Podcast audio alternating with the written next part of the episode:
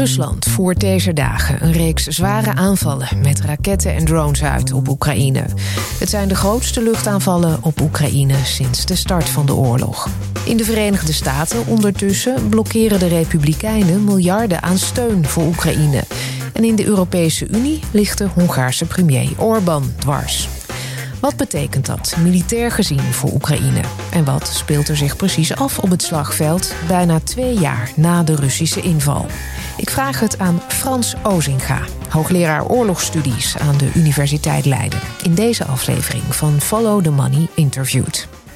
Frans Ozinga, welkom bij FTM. Dankjewel. Was u verrast door dit enorme aantal luchtaanvallen op Oekraïne?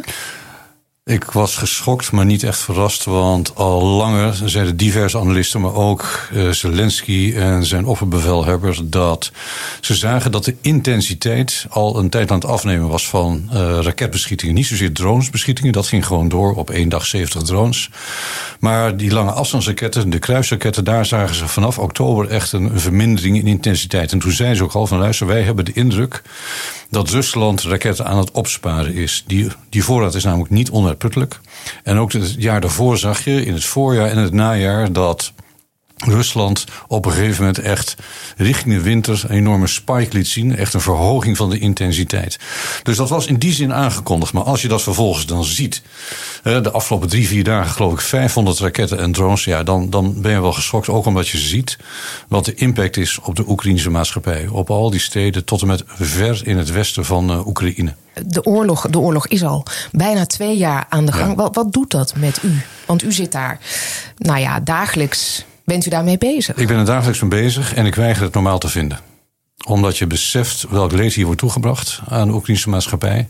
Duizenden burgers zijn al omgekomen. Duizenden kinderen zijn al gedeporteerd. Zullen hun ouders nooit meer zien. De Oekraïnse maatschappij zelf heeft nou, naar schatting ergens tussen de 250 en 500 miljard schade moeten uh, incasseren. Havens zijn eigenlijk nauwelijks meer in handen van Oekraïne. De economie is met 40% gedaald. Uh, dus je ziet welk leed het wordt aangedaan. Dus ik weiger het als normaal te, te beschouwen. Kijk, want waar, waar we naar kijken is eigenlijk een genocidale oorlog. Rusland voert een genocidale oorlog. Voorafgaand aan deze oorlog heeft Poetin al gezegd van luister, Oekraïne heeft geen eigen identiteit, geen eigen cultuur, geen het is geen soeverein land, het is Russisch. En hij is erop uit echt die identiteit en de cultuur volledig uit te wissen. Daar begon het mee. Het begon met een tiendaags campagneplan. Verder had hij ook niet gepland. Het ging om een regime change en de snelle verovering van Oekraïne, waarna het ingelijfd kon worden en onderdrukt kon worden. Dat is niet gelukt, maar die doelstelling die blijft nog steeds staan. En daar kijken we dus tegenaan. Daarom ben ik nog steeds geschokt als we die beelden zien. Maar ik ben ook een beetje geschokt over de mate waarin we in de media langzaam toch wel uh, de aandacht verliezen voor die allergrootste oorlog op het Europese continent sinds 1945. En waarom is dat? Is het omdat er ook weer andere oorlogen ontstaan, zoals we nu zien eh, in Israël, Gaza? Dat speelt wel degelijk mee. Je ziet dat eh, vanaf 7 oktober de aandacht eh, daar helemaal naartoe verschuift. En dat is begrijpelijk als je ziet wat daar allemaal gebeurd is. Dat is enorm ernstig. maar terecht zei recent nog de commandant der strijdkrachten, generaal Eigelsheim, van luister, dat is verschrikkelijk wat daar gebeurt. Maar als je kijkt naar de belangen die voor Europa op het spel staan, ja, dan is de oorlog in Oekraïne vele malen belangrijker.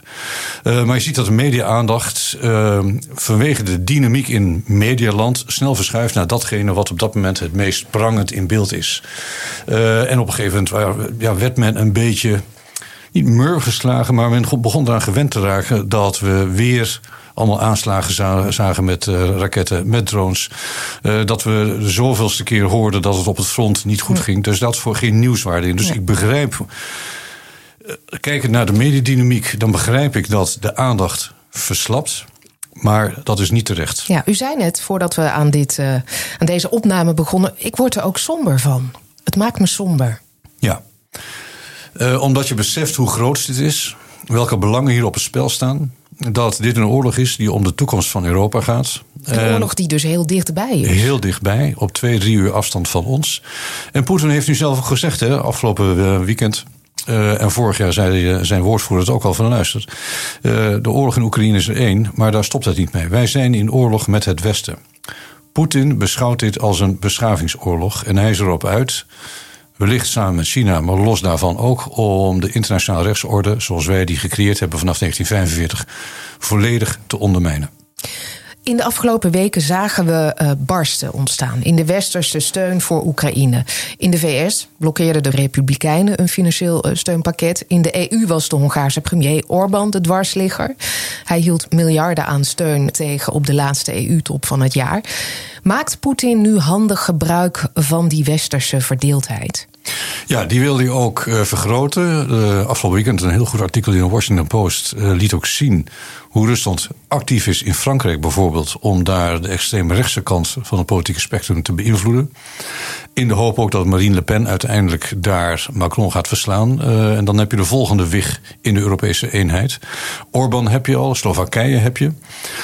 Aan de andere kant, we moeten u, het ook een beetje nuanceren. U slaat er eentje over, want de PVV heeft gewonnen in Nederland. En in het verkiezingsprogramma van de PVV staat ook dat er geen steun meer moet naar Oekraïne. Nou, als je het hebt over een bron van zorg, dit is er eentje. Uh, dat heeft niet alleen te maken met Wilders, maar ook alles uh, waar Wilders voor staat, de type maatschappij waar hij voor staat. Uh, en dat geldt voor meerdere extreemrechtse bewegingen in, in Europa. Dat zijn antidemocratische partijen, die zijn anti-internationaal. En als het aan hen ligt, stoppen met de Europese Unie en de NAVO. En ze zijn pro-Russisch. Dat is uiterst zorgwekkend. Uh, dus ja, Wilders is er ook eentje. Aan de andere kant, uh, in een Nederlands politiek bestel moet er altijd een coalitie gevormd worden. Dus daar loopt het misschien niet zo vaart als in een land als Frankrijk. Mm -hmm. Waar je eigenlijk maar twee of drie partijen hebt. Maar we moeten het ook een beetje nuanceren. Je ziet dat door de aanslagen die we dit weekend zagen, of 29 december al, dat een land als Engeland meteen zegt van luister, we gaan meer steun leveren. Meteen 200 uh, raketten extra, luchtafweerraketten uh, worden geleverd aan Oekraïne. Je ziet in landen als de Baltische Staten, Polen en Finland. In Polen waar net een nieuwe regering aan de, weer aan de macht is gekomen die echt pro-Europees is. Ons eigen parlement, driekwart van de parlementariërs heeft gezegd van luister, de steun aan Oekraïne moet doorgaan. De grote variabele hier is natuurlijk wat gebeurt in Amerika. En ja. daar zie je dat de Republikeinse Partij echt een heel erg uh, vuil spel speelt. Die heeft de steun aan Oekraïne eigenlijk geblokkeerd. En, uh, Vanwege binnenlandse, binnenlandse politiek, redenen. Ja. Puur omdat het een democratische president is. Ook al is het in belang van Amerika zelf, en daar is bijna iedereen in Amerika van overtuigd, om Oekraïne te ondersteunen. Desalniettemin blokkeert de Republikeinse Partij dat vanwege binnenlandse politieke dossiers. Daar gaan we zo uh, nog wat dieper op in, op die Amerikaanse steun. Ik uh, vroeg me af, voordat we wat dieper ingaan op hoe de militaire strijd verloopt in Oekraïne. Eerst even, waar haalt u uw informatie vandaan? Van wat daar nu allemaal gebeurt. Dat is niet eenvoudig. Je moet je altijd bewust zijn van het feit dat wij heel weinig weten, eigenlijk. Uh, wij weten weinig over de huidige sterkte van de Oekraïnse krijgsmacht. Daar houden ze heel wijselijk hun mond behoorlijk over. We weten niet over de, iets, niets over de aantallen slachtoffers aan hun zijde.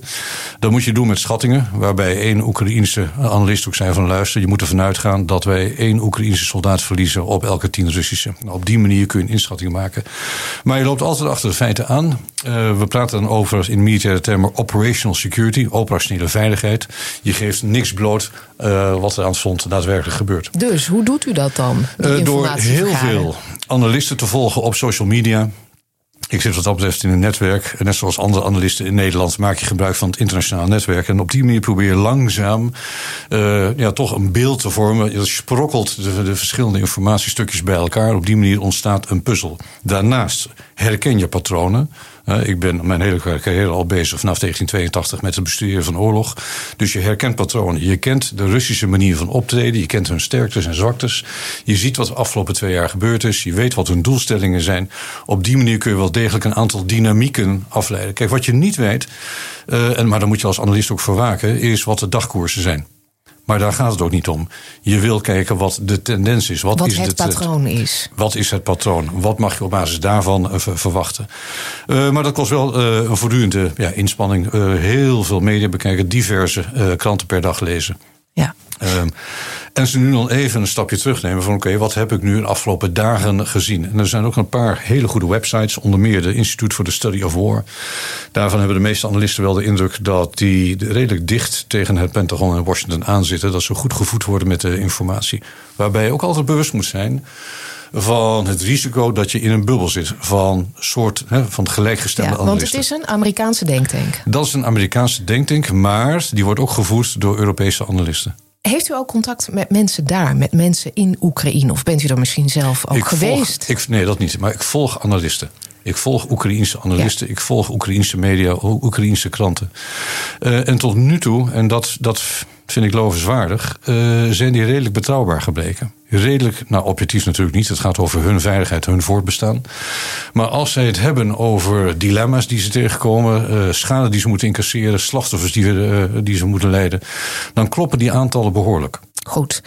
Welke belangrijke lessen kunt u nu na bijna twee jaar oorlog in Oekraïne trekken uit die oorlog? Of moet ik, eigenlijk moet ik zeggen tien jaar oorlog, hè? want het is begonnen natuurlijk met de annexatie van de Krim in 2014. Exact. Voor Oekraïne is deze oorlog van 2014 aan de gang. Uh, en vanaf 2014 zie je ook dat in het Westen de schellen van de ogen vallen. Dat we ons bewust worden van de agressieve agenda van Poetin.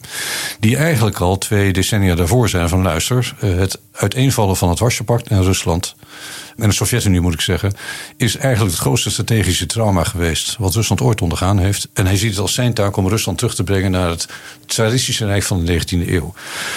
Dat zagen we toen nog niet. Uh, Rusland was niet zozeer een vriend, maar wel een partner. Had ook een uh, kantoor in het hoofdkwartier van de NAVO. Vanaf 2014 vallen de schellen van de ogen. Worden we ons bewust ook van wat dan heet hybride beïnvloedingspraktijken. Cyberaanvallen, eh, desinformatie, propaganda verspreiden. Proberen de maatschappelijke democratische processen in Europese landen, maar ook in Amerika, echt te ondermijnen. Nou, dat hebben we gezien ook met de verkiezing van eh, Trump in 2016. Ja, maar de schellen vielen niet meteen van de ogen. Toch? Nee, dat heeft een tijd geduurd. Uiteindelijk reageren we relatief lauw op de annexatie van de Krim. En daarna het neerschieten van MH17. En we gaan al redelijk snel over tot de orde van de dag. Andere crisis doen we op. Migratiecrisis, de coronacrisis. En je ziet eigenlijk dat vanaf 2022, als het begin van de oorlog, dat we dit pas weer serieus gaan oppakken. Dat is eigenlijk heel merkwaardig, want vanaf oktober 2021 waarschuwt Amerika al van luister, de oefeningen die we nu om Oekraïne heen zien, die gaan over in een oorlog vinden we moeilijk te geloven. Nou, vanaf dat moment zie je dat de NAVO en de Europese Unie in het Westen algemeen redelijk snel bij elkaar kruipen. Eigenlijk herontdekt het Westen daar uh, wat het betekent om het Westen te zijn en welke belangen hier op het spel staan. In de zomer van 2022 uh, komen alle NAVO-landen dan ook een nieuwe veiligheidsstrategie overeen. Waarbij NAVO zegt van luister, onze veiligheid kan alleen maar gegarandeerd worden als we onze verdediging anders gaan inrichten. Tot dan toe baseren we die veiligheid op een afschrikkingsstrategie van ja, afstraffing. Waarbij we communiceren aan Rusland van joh, mocht je overwegen om bijvoorbeeld de Baltische Staten binnen te vallen. Dan, dat kunnen we niet tegenhouden. Dat, dat lukt ons niet militair gezien. Maar we kunnen je wel een waanzinnige afstraffing geven. Dat doet ontzettend pijn, dus ik zou het niet doen. Vanaf de zomer vorig jaar zegt de NAVO: wij gaan over naar een afschrikkingsstrategie waarbij we communiceren aan Rusland. Het gaat je niet eens lukken, want wij hebben onze verdediging ook aan de grens op orde. We hebben daar luchtverdediging, we hebben raketverdediging, we hebben daarboven vliegtuigen, dus we hebben luchtoverwicht. Dat is essentieel gebleken eh, in deze oorlog in eh, Oekraïne. En we hebben artillerie op de grond en troepen op de grond. Het gaat je niet lukken. Ja. Maar dat is zeg maar de lessen die wij hebben getrokken uit nou ja, hoe wij omgaan met Rusland. Maar wat voor lessen trekt u uit de manier van oorlog? Ja. Dat is een hele goede. Kijk, die Want we zien heel veel drones. Ja, die afschrikkingsstrategie die we dus neerzetten... die moet Rusland ervan overtuigen dat Rusland ons niet kan slepen... in zo'n slijtageslag die Rusland in Oekraïne neerzet. Rusland was begonnen met een bewegelijke oorlog... in de hoop na tien dagen hè, de vlag te kunnen hijsen boven Kiev. Mm -hmm. dat is nu echt een slijtageslag, een attritieoorlog. Rusland voert een, totaal... een attritie, ja, een attritie-slijtage, ah, ja, ja. een uitputtingsoorlog... in de hoop dat uh, Rusland meer schade kan toebrengen aan Oekraïne dan Oekraïne kan incasseren. Uiteindelijk put je dan de Oekraïnse krijgsmacht en de maatschappij ja. uit. Wij moeten aan Rusland kunnen communiceren dat hij een dergelijke slijtageslag A niet kan beginnen met ons. En ook dat wij dat altijd langer zullen volhouden. Nou, vervolgens, wat zien we dan op het slagveld? Daar zie je dat Rusland een enorme fout heeft gemaakt door bijvoorbeeld niet eerst het luchtoverwicht te bevechten. En zonder luchtoverwicht kon Oekraïne bewegingsvrijheid aan het front behouden. Dus die eerste tien dagen heeft Rusland een aantal enorme fouten begaan. Daarna gaan ze over tot die attritieoorlog, slijtageslag.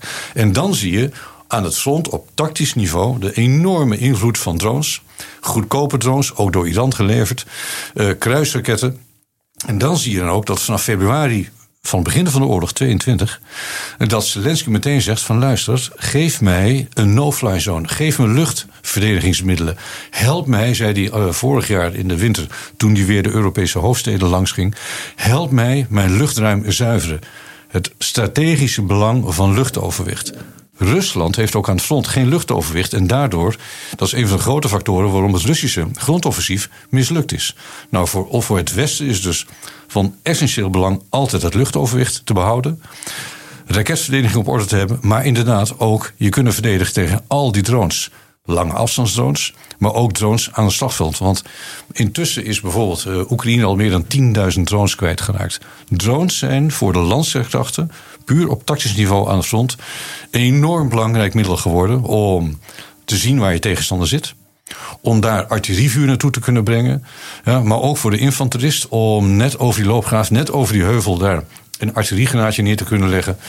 Uh, maar Rusland doet hetzelfde. Ja, vandaar ook dat je momenteel een redelijke stagnatie ziet aan het front. Want die drones zorgen voor een waanzinnige transparantie. En zodra je gaat bewegen, zodra je je panzerwagens en tanks en artilleriesystemen bij elkaar gaat brengen, wordt het geobserveerd en worden ze onmiddellijk uitgeschakeld.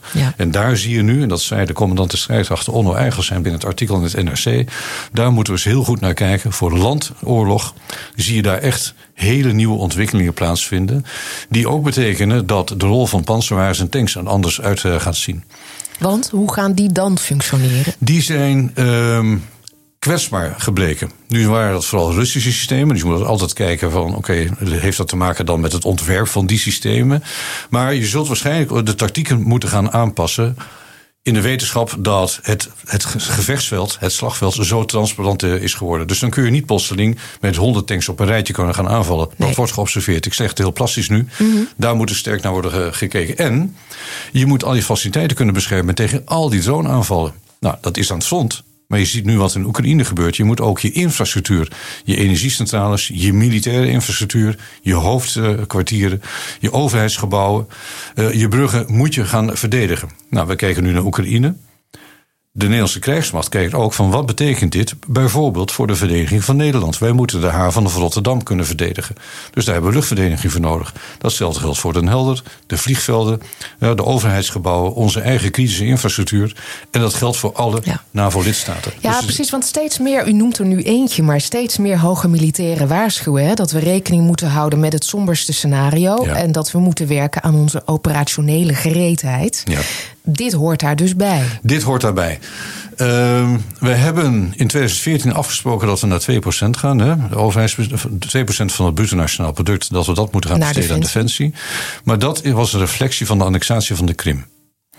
Daarin zit nog niet verdisconteerd de behoeftes die voortkomen uit de nieuwe NAVO-strategie. Vandaar dat Polen zegt, we moeten waarschijnlijk naar 4 En, we en waar zit u dan ergens ertussenin? Nou, ik denk dat we naar 3 minstens 3% moeten. En kijk even terug naar de oude Koude Oorlog. In de tijd dat ik naar de militaire academie ging in 82. Toen hadden we met alle NAVO-lidstaten afgesproken dat ons het defensiebudget elk jaar met 3% zou stijgen.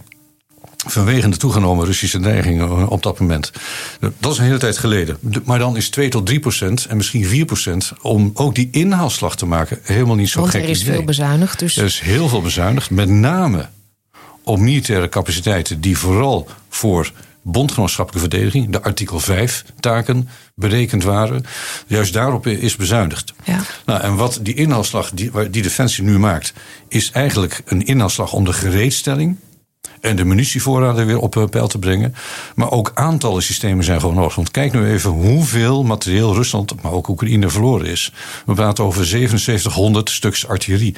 10.000 panzerwagens. Rusland is al 70% van zijn conventionele grondcapaciteiten kwijtgeraakt. Nou, dus die attritieslag betekent dat we naast kwaliteit van wapensystemen ook moeten kijken naar kwantiteit.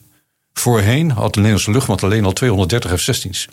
dat suggereert dat die 50, 55 F-35's nu, die we gaan krijgen, waarschijnlijk ook niet voldoende zullen zijn. Nou, we hebben, en dan kom ik terug op het begin van jouw vraag. Rusland heeft veel materieel verloren. Maar de inschatting van heel veel analisten, ministers en ook inderdaad commandanten des strijdkrachten, de Poolse, de Britse, maar ook de Belgische en ook onze eigen, die zeggen van luister, wij moeten voorbereid zijn op inderdaad een mogelijk gewapend treffen met Rusland. En als we daar voorbereid zijn, wordt die kans kleiner. Maar we weten wel dat Rusland in staat zal zijn om binnen tussen in een periode van drie tot tien jaar zijn slagkracht weer helemaal op orde te kunnen krijgen. De Russische economie is overgegaan naar een oorlogseconomie. Nu hebben ze enorm veel verliezen moeten lijden. Maar ze worden in staat geacht om die verliezen te compenseren over drie, vier, vijf tot tien jaar. Dus dat is, dat is de window of opportunity die het Westen heeft. Ja. Het is toch eigenlijk heel bijzonder dat ondanks alle sancties Rusland zijn oorlogsproductie zo kan opvoeren, zo snel al die munitie kan vervangen, al die drones kan produceren en kopen van landen als Iran, maar ook Noord-Korea. Ja. Noord-Korea, China, Iran inderdaad. Je zou eh, verwachten of hopen dat die sancties toch iets meer uitrichten. Ja, die sancties. Hoe kan dat dan? Uh, nou, die sancties worden gewoon simpelweg uh, ontweken door die landen. Die doen daar niet aan mee. Uh, nee, precies, die doen daar niet aan mee. Maar, exact, maar, veel andere landen wel. Uh, maar het blijkt ook heel moeilijk om. Je zou toch verwachten dat ze iets van pijn doen? Uh, dat doet het wel. Oké, laten we even teruggaan naar de sancties. Waarom hebben we de sancties opgelegd? Dat was een initiële reactie natuurlijk, die op heel opmerkelijk was. 22 februari uh, begint de oorlog. Uh, en 24, uh, wat was het? Nee, sorry, 24 februari begint de oorlog. Vier dagen later ligt er een waanzinnig sanctiepakket. In, daar zit in ook Nord Stream, de energie, het energieinstrument. De pijplijn, ja. De pijplijn, daar zit SWIFT, het banksysteem zit erin. En dat stelselmatig worden daar sanctiepakketten aan toegevoegd. Maar dat zijn westerse landen die dat doen. De doelstelling was dan om dat duidelijk te maken: kijk eens even, hier is zo'n belangrijke norm overschreden. Dit kan niet uh, onbestraft uh, blijven. Uh, een tweede doelstelling was misschien afschrikking. Maar als een oorlog eenmaal is ingezet, is die functie die, die ben kwijt. Daarnaast is een strategische functie pijn doen. Zorgen dat de kosten voor Rusland verhoogd worden. En wel degelijk zie je dat dat lukt. De luchtvaartindustrie en de automobielindustrie bijvoorbeeld ligt behoorlijk op zijn gat. Ze hebben moeite om burgerluchtvaart echt in de lucht te houden. Heel veel vliegtuigen moeten gewoon noodlandingen maken. De militaire industrie, het produceren van geavanceerde wapensystemen, is een probleem. Precisiewapens produceren.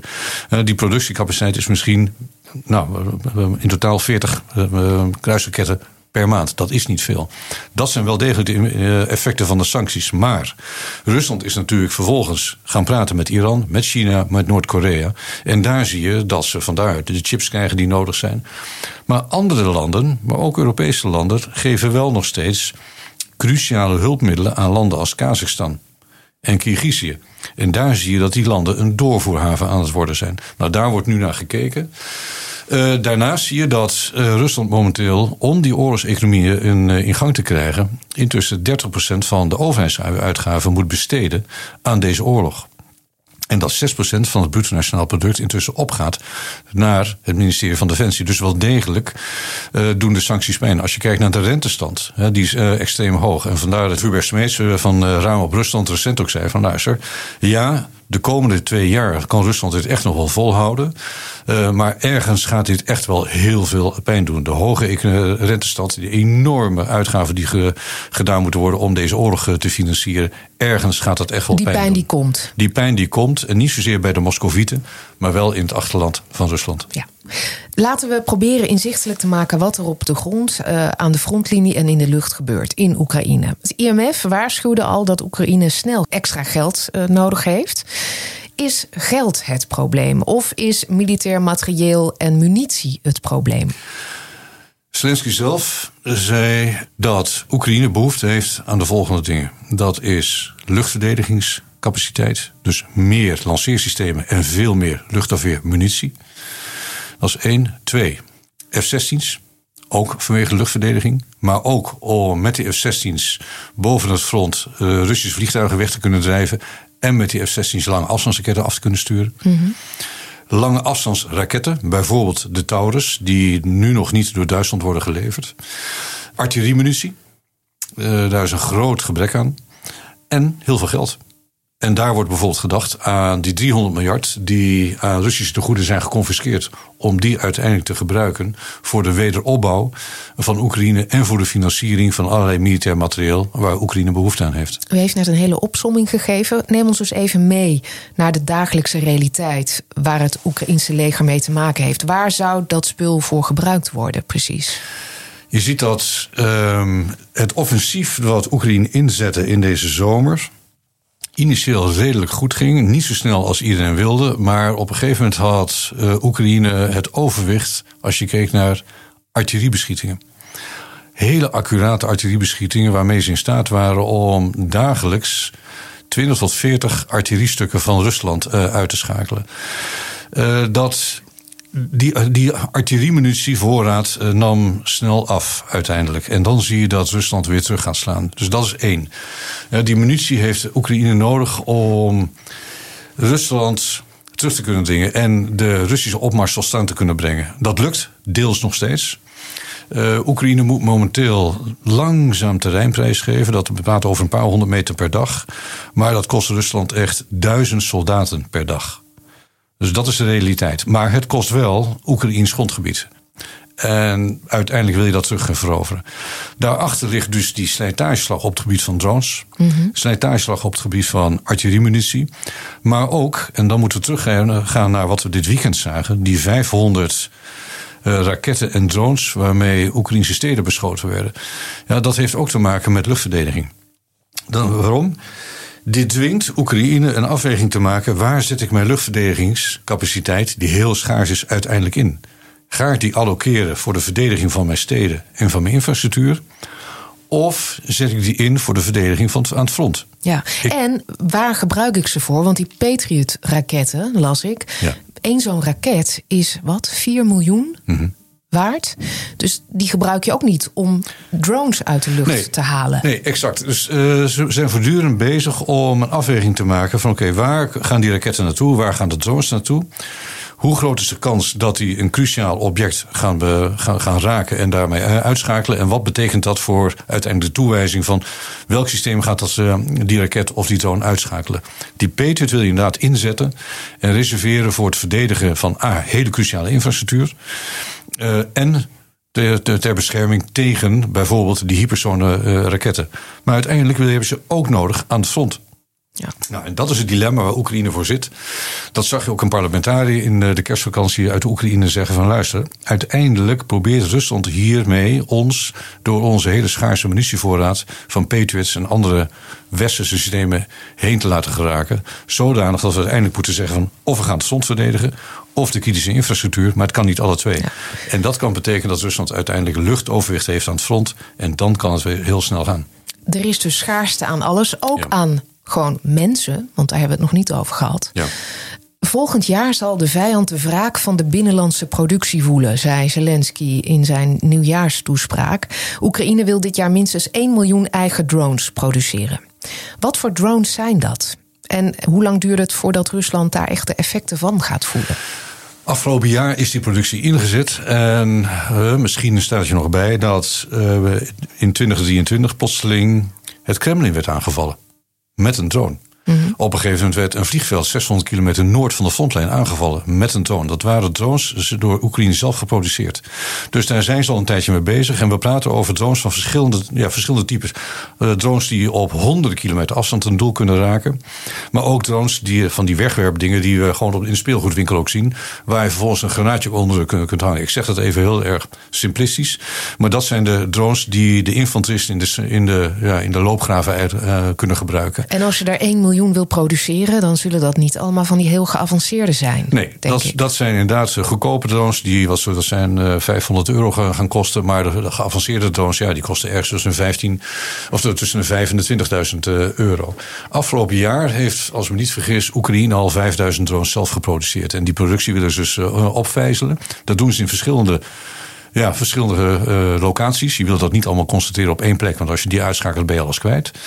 Uh, dus daar zijn ze mee bezig. Ze hebben een grote militaire industrie, die hadden ze al. Ze hebben ook een grote ICT-industrie. Nou, die zijn gekoppeld.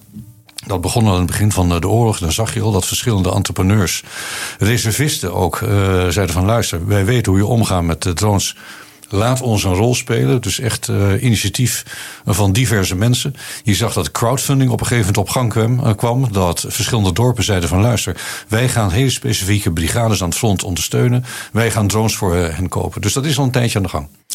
Dus de productie moet worden opgevoerd. Niet alleen binnen Oekraïne, maar vooral daarbuiten in Europa. Want ook binnen de EU moet de wapenindustrie zijn productiecapaciteit verhogen. Dat besef dat was er al heel vroeg, een maand na de Russische invasie bij de NAVO. Uh, maar het blijkt een ongelooflijk traag proces. Waarom duurt het zo lang? Nou, je hebt gelijk. Uh, je ziet dat uh, secretaris-generaal Stoltenberg van de NAVO inderdaad al direct zegt, met name vanaf de zomer, van luister, dit is een industriële oorlog die uiteindelijk ook bepaald wordt door diegene die de meeste productiecapaciteit uiteindelijk neer kan zetten en de meeste wapens kan produceren op de langere termijn. Onze commandant de Onno Eigelsheim, is ook meteen in gesprek gegaan, ook met de Economische Zaken, ministerie van Financiën en met de pensioenfondsen en de banken van luister. Uh, uiteindelijk moet de financiering ook weer loskomen voor de uitbreiding van de productiecapaciteit van de defensieindustrie. Want uh, even uitleggen misschien, het is voor een wapenfabrikant heel moeilijk om een banklening te krijgen. Heel moeilijk, uh, want juist afgelopen jaren zag je dat daar eigenlijk een taboe op, op rustte. Pensioenfondsen hadden steeds meer gezegd van luister, waar gaan geen leningen meer uit de wapenindustrie. uit de wapenindustrie. Um, maar is was, dat het, het grote probleem? Dat was wel een groot probleem. Daarnaast zegt de wapenindustrie van luister, wij willen best wel daaraan voldoen aan die, aan die, uh, aan die opdracht, maar dan moet je ons wel concrete orders geven en niet alleen het komend jaar, maar ook lange termijn orders. Dan gaan we nieuwe productiefaciliteiten uh, opzetten. De industrie wil garanties. De industrie wil heel begrijpelijk garanties, want dit zijn lange termijn projecten. Als je een fabriek wil opzetten, uh, als je materiaal daarvoor wil kopen, dan moet je wel gegarandeerd zijn van leningen, van lange termijn financiering en lange termijn opdrachten. Ja. FTM uh, publiceerde afgelopen zomer een uh, onderzoeksartikel van de Investigative Desk, waarin verschillende bottlenecks worden beschreven voor waarom het zo lang duurt hè, voordat die productie echt kan worden opgeschroefd. Daarin valt te lezen dat de wapenindustrie inderdaad uh, nou ja, weigert financiële risico's te nemen, zo zou je het ook kunnen formuleren. Maar ook nationale belangen zitten snelle besluitvorming in de weg en allerlei procedures en standaarden bemoeilijken een effectief gebruik van de wel beschikbare munitie. Is dat herkenbaar? Dat is deels wel herkenbaar. Dan heb je het bijvoorbeeld over verschillende typen artilleriemunitie. Waarbij elke fabrikant en elk land weliswaar hetzelfde kaliber heeft, maar dat ze toch niet helemaal op elkaars wapensystemen, elkaars artilleriesystemen afgevuurd kunnen worden. Ja, want ik las dat Oekraïense soldaten aan het front granaten soms handmatig bijslijpen, omdat ja. ze anders niet in het geschut passen. Exact. Kijk, als een land een artilleriesysteem produceert, dan produceert het ook meteen de, meestal uh, de artilleriegranaten die daarbij horen. Uh, en dat wil niet zeggen dat het buurland, wat een ander artilleriesysteem ontwikkeld of gekocht heeft, uh, elders, bijvoorbeeld in Zuid-Korea, dat hij met dezelfde munitie kan schieten. Mm. In de luchtvaartsector, de militaire luchtvaartsector, daar zie je dat probleem niet zozeer. Daar zie je dat bijvoorbeeld alle landen in Europa die F-16's opereren, met elkaars munitie kunnen opereren. Dat is geen probleem. Daar zie je dat die standaardisatie al veel verder gevorderd is. De Europese Unie was er al jaren mee bezig om in het kader van het Europese veiligheids- en defensiebeleid al dat soort dingen te harmoniseren. Uh, zodat we ook de interoperabiliteit, het vermogen om samen te kunnen werken. En elkaars, precies, en elkaars logistieke processen daarin deel te, samen deel te kunnen nemen. Om dat te verbeteren. Uh, maar dat, dat verliep moeizaam, juist weer vanwege nationale industriebelangen. Ja, ja. Ja, de grote uh, wapenlanden, industrielanden, die willen hun eigen positie behouden. Ja. En dan moet ik denken aan Frankrijk, Duitsland. Uh, Frankrijk, Duitsland, Engeland, Italië. Uh, dat zijn de grote wapen, de, de wapenscheppende industrieën die daadwerkelijk volledige wapensystemen scheppen. En daarnaast heb je natuurlijk een aantal toeleveranciers, uh, toeleverende landen, uh, waaronder Nederland, die componenten kunnen leveren. Is het ook uh, het feit dat het zo lang duurt voordat die wapenproductie uh, op stoom komt, is het ook te wijten aan het gebrek aan daadkracht aan de kant van de westerse bondgenoten? Ik denk dat een stuk sense of urgency initieel ontbrak. Iedereen besefte wat daar gebeurde. Maar zeker de eerste maanden was nog maar de vraag bij heel veel mensen of Kiev überhaupt zou overleven. En toen dat eenmaal duidelijk werd, en dat was in de zomer van 2022, uh, toen in, als met 9 april 22 Poetin zei: wij trekken ons terug bij Kiev, wij concentreren ons op de Donbass, dan zie je de kentering ontstaan. Dan zie je dat we initieel uh, bereid uh, zijn om wat geavanceerde materieel te leveren. In de zomer gaan we over tot het leveren van de Panzerhauwitsers, de geavanceerde artilleriesystemen, mm -hmm. wat drones en dergelijke. En een paar maanden later gaan we over tot de leverantie van de, van de Patriots. Maar dat wordt dan nog niet vertaald in van hé, hey, wij moeten dus ook meer zelf wapensystemen weer gaan kopen uh, om de, ja, de, de, de, dat te compenseren. De Baltische Staten en de Polen gaan wel onmiddellijk over. Uh, de Polen zeggen van luister, die lange afstandsraketsystemen. Uh, die wij leveren aan, uh, aan Oekraïne, die gaan wij meteen ook weer bestellen in, in Amerika. Sterker nog, we bestellen er meteen 400. Die voelen de dreiging natuurlijk die veel directer. Ja, ja. Idem, idem voor Finland, die heeft meteen ja. 65 F-35's besteld. Dus daar is de sense of urgency absoluut uh, aanwezig. Dat geldt ook voor Roemenië, uh, Bulgarije. Uh, in Duitsland wat minder. En daar zie je nu een groot debat ontstaan uh, tussen Scholz en zijn ministerie van de Defensie. maar ook de Bundestag. Want die zeggen nu allemaal van luister. Wij moeten nu echt aan de bak. Duitsland loopt wat dat betreft een beetje achteraan. Die heeft weliswaar defensieve middelen geleverd artilleriesystemen, een aantal tanks, maar ook niet te veel. Uh, de IRIS-T, een luchtafweersysteem en Patriots maar weigert eigenlijk offensieve middelen te leveren. Daar, daar speelt het, eh, het, eigen verleden natuurlijk een rol in. Tweede de SPD, de, de, die van pacifistische achtergrond, eh, die hebben moeite om die, die wat dan heet het Zeitungswende, echt daadwerkelijk gestalte te geven. En daar is nu heel veel kritiek op, ook vanuit het buitenland, maar ook van binnenuit de Bundestag zelf. Speelt angst voor escalatie hier niet ook een grote rol in? Het Westen was natuurlijk heel lang bang om Poetin te provoceren. Ja, en daar dat begint al eigenlijk voor het begin van de oorlog. Daar hebben wij onszelf eigenlijk afgeschrokken. Wij zijn banger geweest voor escalatie dan Rusland. En als je kijkt naar de literatuur over afschrikking, theorie, dan dat, dat zegt al van als, jij banger bent voor escalatie dan je tegenstander, dan gaat jouw tegenstander jou daarmee gijzelen. En dat is gebeurd. Wij waren bang voor nucleaire escalatie. Eh, we waren energieafhankelijk. Dus daar zie je dat de economische uh, afhankelijkheden eigenlijk gingen, gingen ja, prefereren boven de veiligheidspolitieke. Nou, dat heeft lange tijd geduurd. En je ziet elke keer als overwogen werd om een geavanceerde wapensysteem te leveren aan Oekraïne, dat Rusland die kaart optrekt. Die begint op een gegeven moment te dreigen met nucleaire escalatie. Mhm. Dat leidt initieel tot een schok. Daarna zie je dat we het toch gaan doen. En dan blijkt dat die zogenaamde rode lijn er helemaal niet is. Ehm, maar als je daar niet bang voor bent, hè, dan vertoon je toch ja, misschien wel roekeloos gedrag. Is toch ook niet nou, je Moet, je, je, moet elke nucleaire dreiging, althans de retoriek daaromheen, moet je heel serieus nemen. Moet je kijken of die retoriek ook in Rusland wordt omgezet in een andere ja, gereedstelling van de nucleaire wapens. En dat zien we niet. En je ziet ook dat China en Amerika onmiddellijk hebben gereageerd tegen Rusland. Ze hebben ze gezegd: waag het niet om je vinger bij de nucleaire knop te, eh, te zetten. Want we volgen er onvoorstelbare uh, effecten voor jou, gevolgen voor jou. Conventioneel en niet zozeer uh, nucleair. Dus waag het niet. En je ziet ook dat nucleaire retoriek steeds minder geloofwaardig wordt. Maar in verschillende landen wordt dat steeds anders gepercipieerd. En vooral in Duitsland zie je dat de leveranties van de lange afstandsraket, de Taurus. Uh, wordt tegengehouden vanwege toch die angst voor afschrikking, provoceren van Rusland. En uiteindelijk moeten wij vanuit in West-Europa toch uiteindelijk concluderen van ja, wat zou Rusland dan, dan willen doen? Rusland kan zich momenteel een direct treffen met NAVO helemaal niet veroorloven. Rusland is ook helemaal niet bang voor de NAVO momenteel. Uh, die haalt troepen weg bij de, de Finse grens. Dus de uitbreiding van de NAVO met Finland is helemaal geen factor. Uh, dus we moeten dat wat minder zwaar laten wegen in de overwegingen.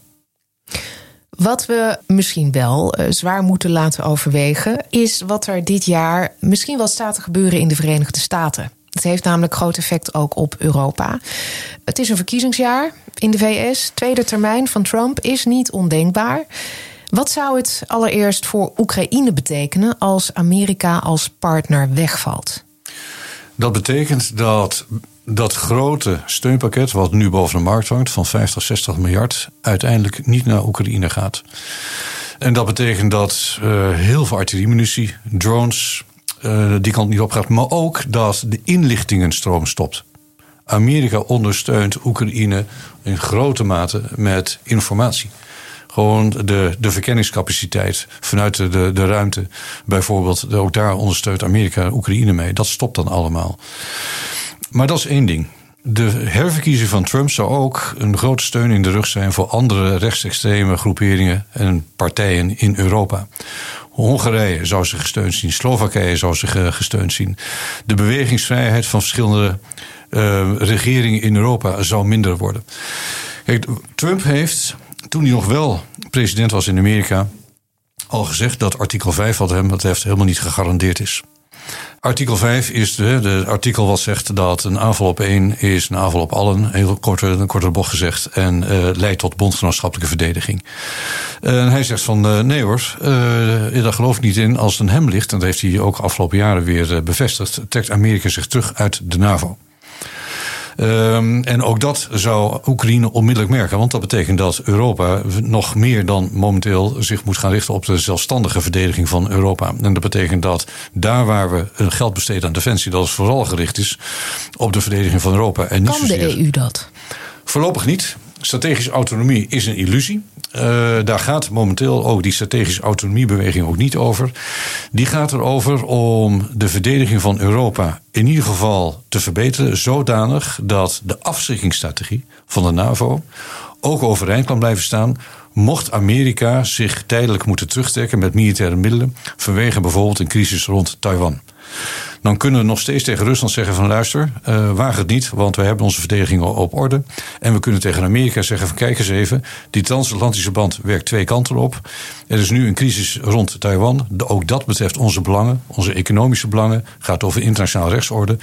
Uh, haal een aantal cruciale militaire middelen die je nodig hebt voor de beveiliging van Taiwan uit Europa weg. Dat kan. Wij hebben onze verdediging op orde. Dus, maar dat, we hebben nog een lange weg te gaan echt lange weg. Ehm, even voor de beeldvorming. Vanaf 1999 weet Europa dat wij verslaafd zijn aan Amerikaanse militaire bijdrage op sommige gebieden. Elektronische oorlogsvoering, kruisraketten. Als het gaat over luchtverdediging en het luchtoverwicht. Europa, de Europese verdediging valt uh, of staat met het behouden van het luchtoverwicht. Dat was in de oude Koude Oorlog zo, dat is in de huidige Koude Oorlog zo. En waarom is dat jaartal 1999 zo belangrijk? Uh, toen hadden we Operation Allied Force boven Kosovo. En zonder de Amerikaanse steun konden wij en dergelijke kleinschalige operatie boven Kosovo, een gebied zo groot als Zuid-Nederland, eigenlijk niet zonder Amerikanen uitvoeren. Daarna zie je dat, uh, weer in 2011, toen we de interventie in Libië uitvoerden. Zonder Amerikaanse steun konden we ook daar een vredesoperatie niet uitvoeren zonder Amerika. En we hebben nu over de verdediging van Europa. Amerika heeft momenteel 100.000 militairen in Europa staan. Om onze afschrikkingsstrategie uh, daadwerkelijk gestalte te geven. Nou, en dat moeten wij dus allemaal compenseren.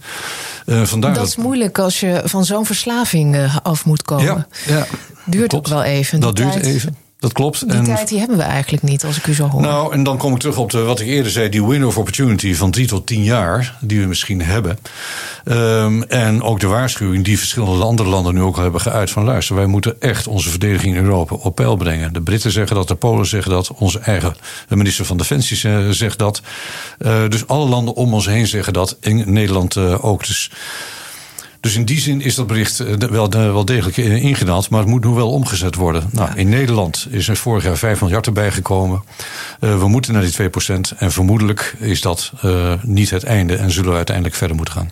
We hadden het er aan het begin van dit gesprek al over. Um, het verschil tussen het begin van het uitbreken van de oorlog in Oekraïne en nu. In het begin was alles erop gericht in het Westen om het signaal af te geven: wij steunen Oekraïne onvoorwaardelijk.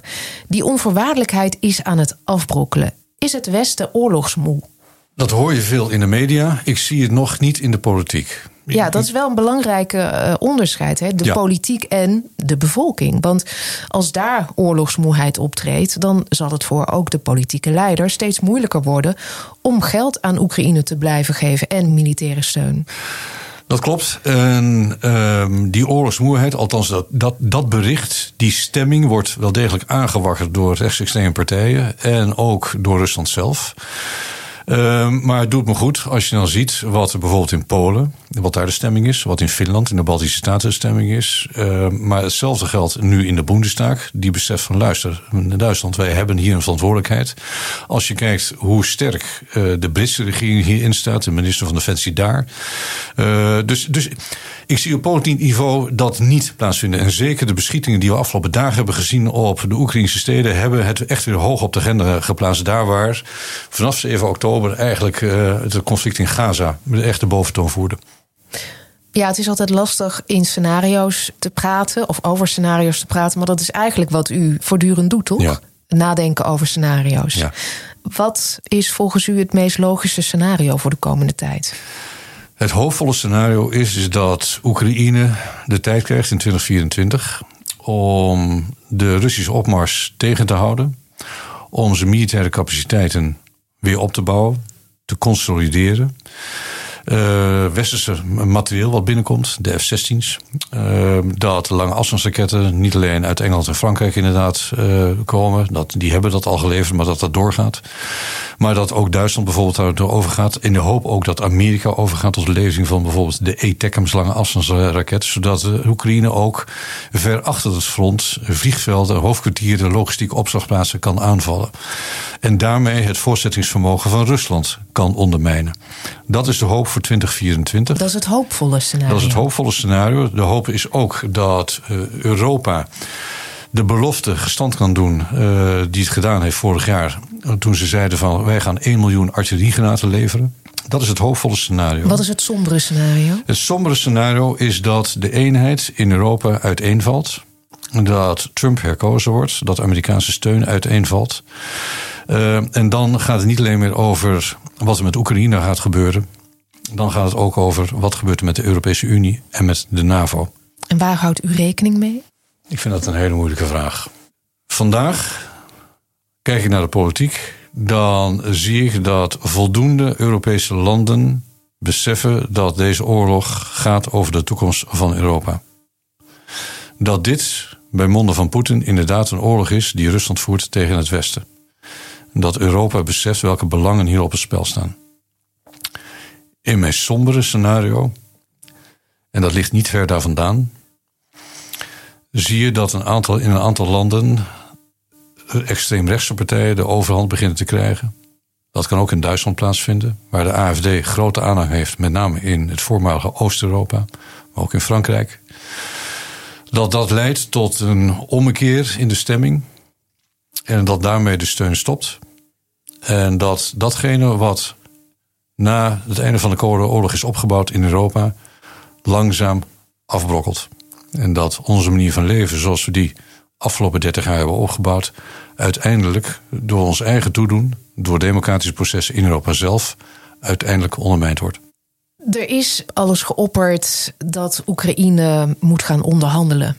Kunnen verliezen aan Oekraïnse kant ertoe leiden dat die druk wordt opgevoerd, die druk op Zelensky, om toch te gaan onderhandelen met de Russen?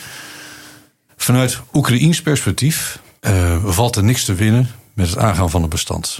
80, 90 procent van de Oekraïnse bevolking zegt tegen Zelensky: concessies doen aan Poetin zijn uit een boze.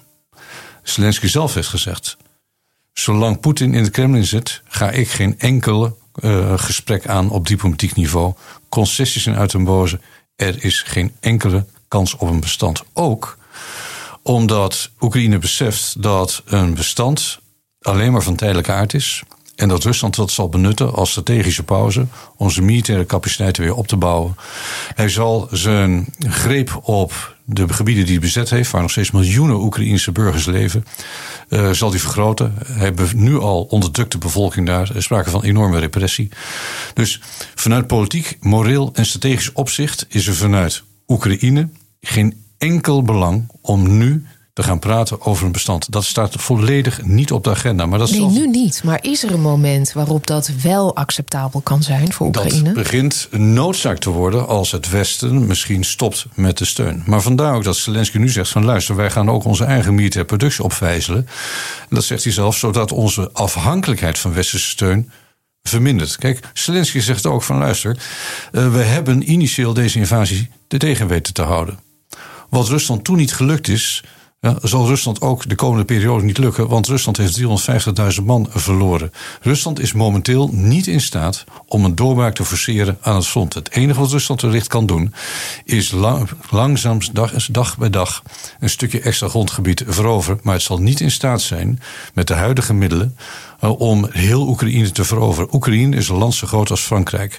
En 60, 70 procent van de Russische krijgsmacht is al gesleten, is al eigenlijk niet meer inzetbaar.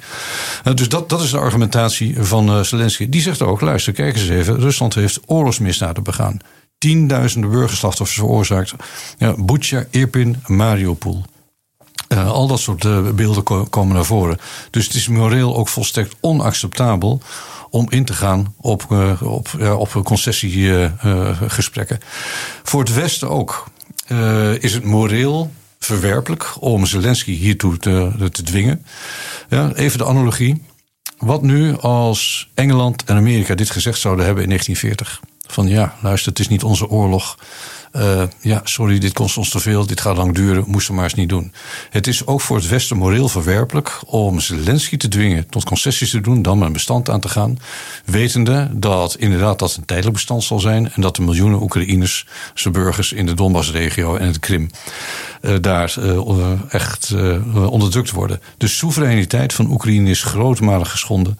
18% van Oekraïne is momenteel bezet door, door Rusland. Het is strategisch ook dom, want daarmee zeg je eigenlijk tegen Poetin van luister, ja, we vinden het niet fijn. Maar hiermee, ja, je komt wel weg met agressie. En je laat zien dat we verdeeld zijn. Dat we uiteindelijk niet met al die beloftes die we gemaakt hebben. Al die grootspraak. Dat we uiteindelijk die woorden niet nakomen. En inderdaad dat dreigen met escalatie door Poetin. Dat dat loont. Dat kunnen, kan het Westen heel simpelweg niet veroorloven. Dus dat, het is moreel verwerpelijk, strategisch dom. En zal alleen maar tijdelijk respijt geven. Poetin kan dus niet winnen. Ja. Vat ik het zo goed samen? Ja. Kan Oekraïne wel winnen?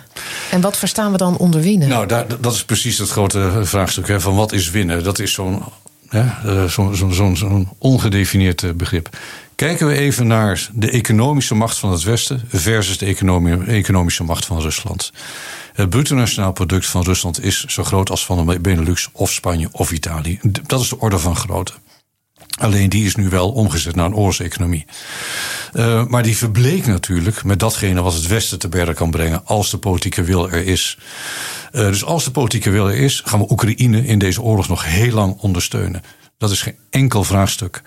Het heeft te maken met politieke wil.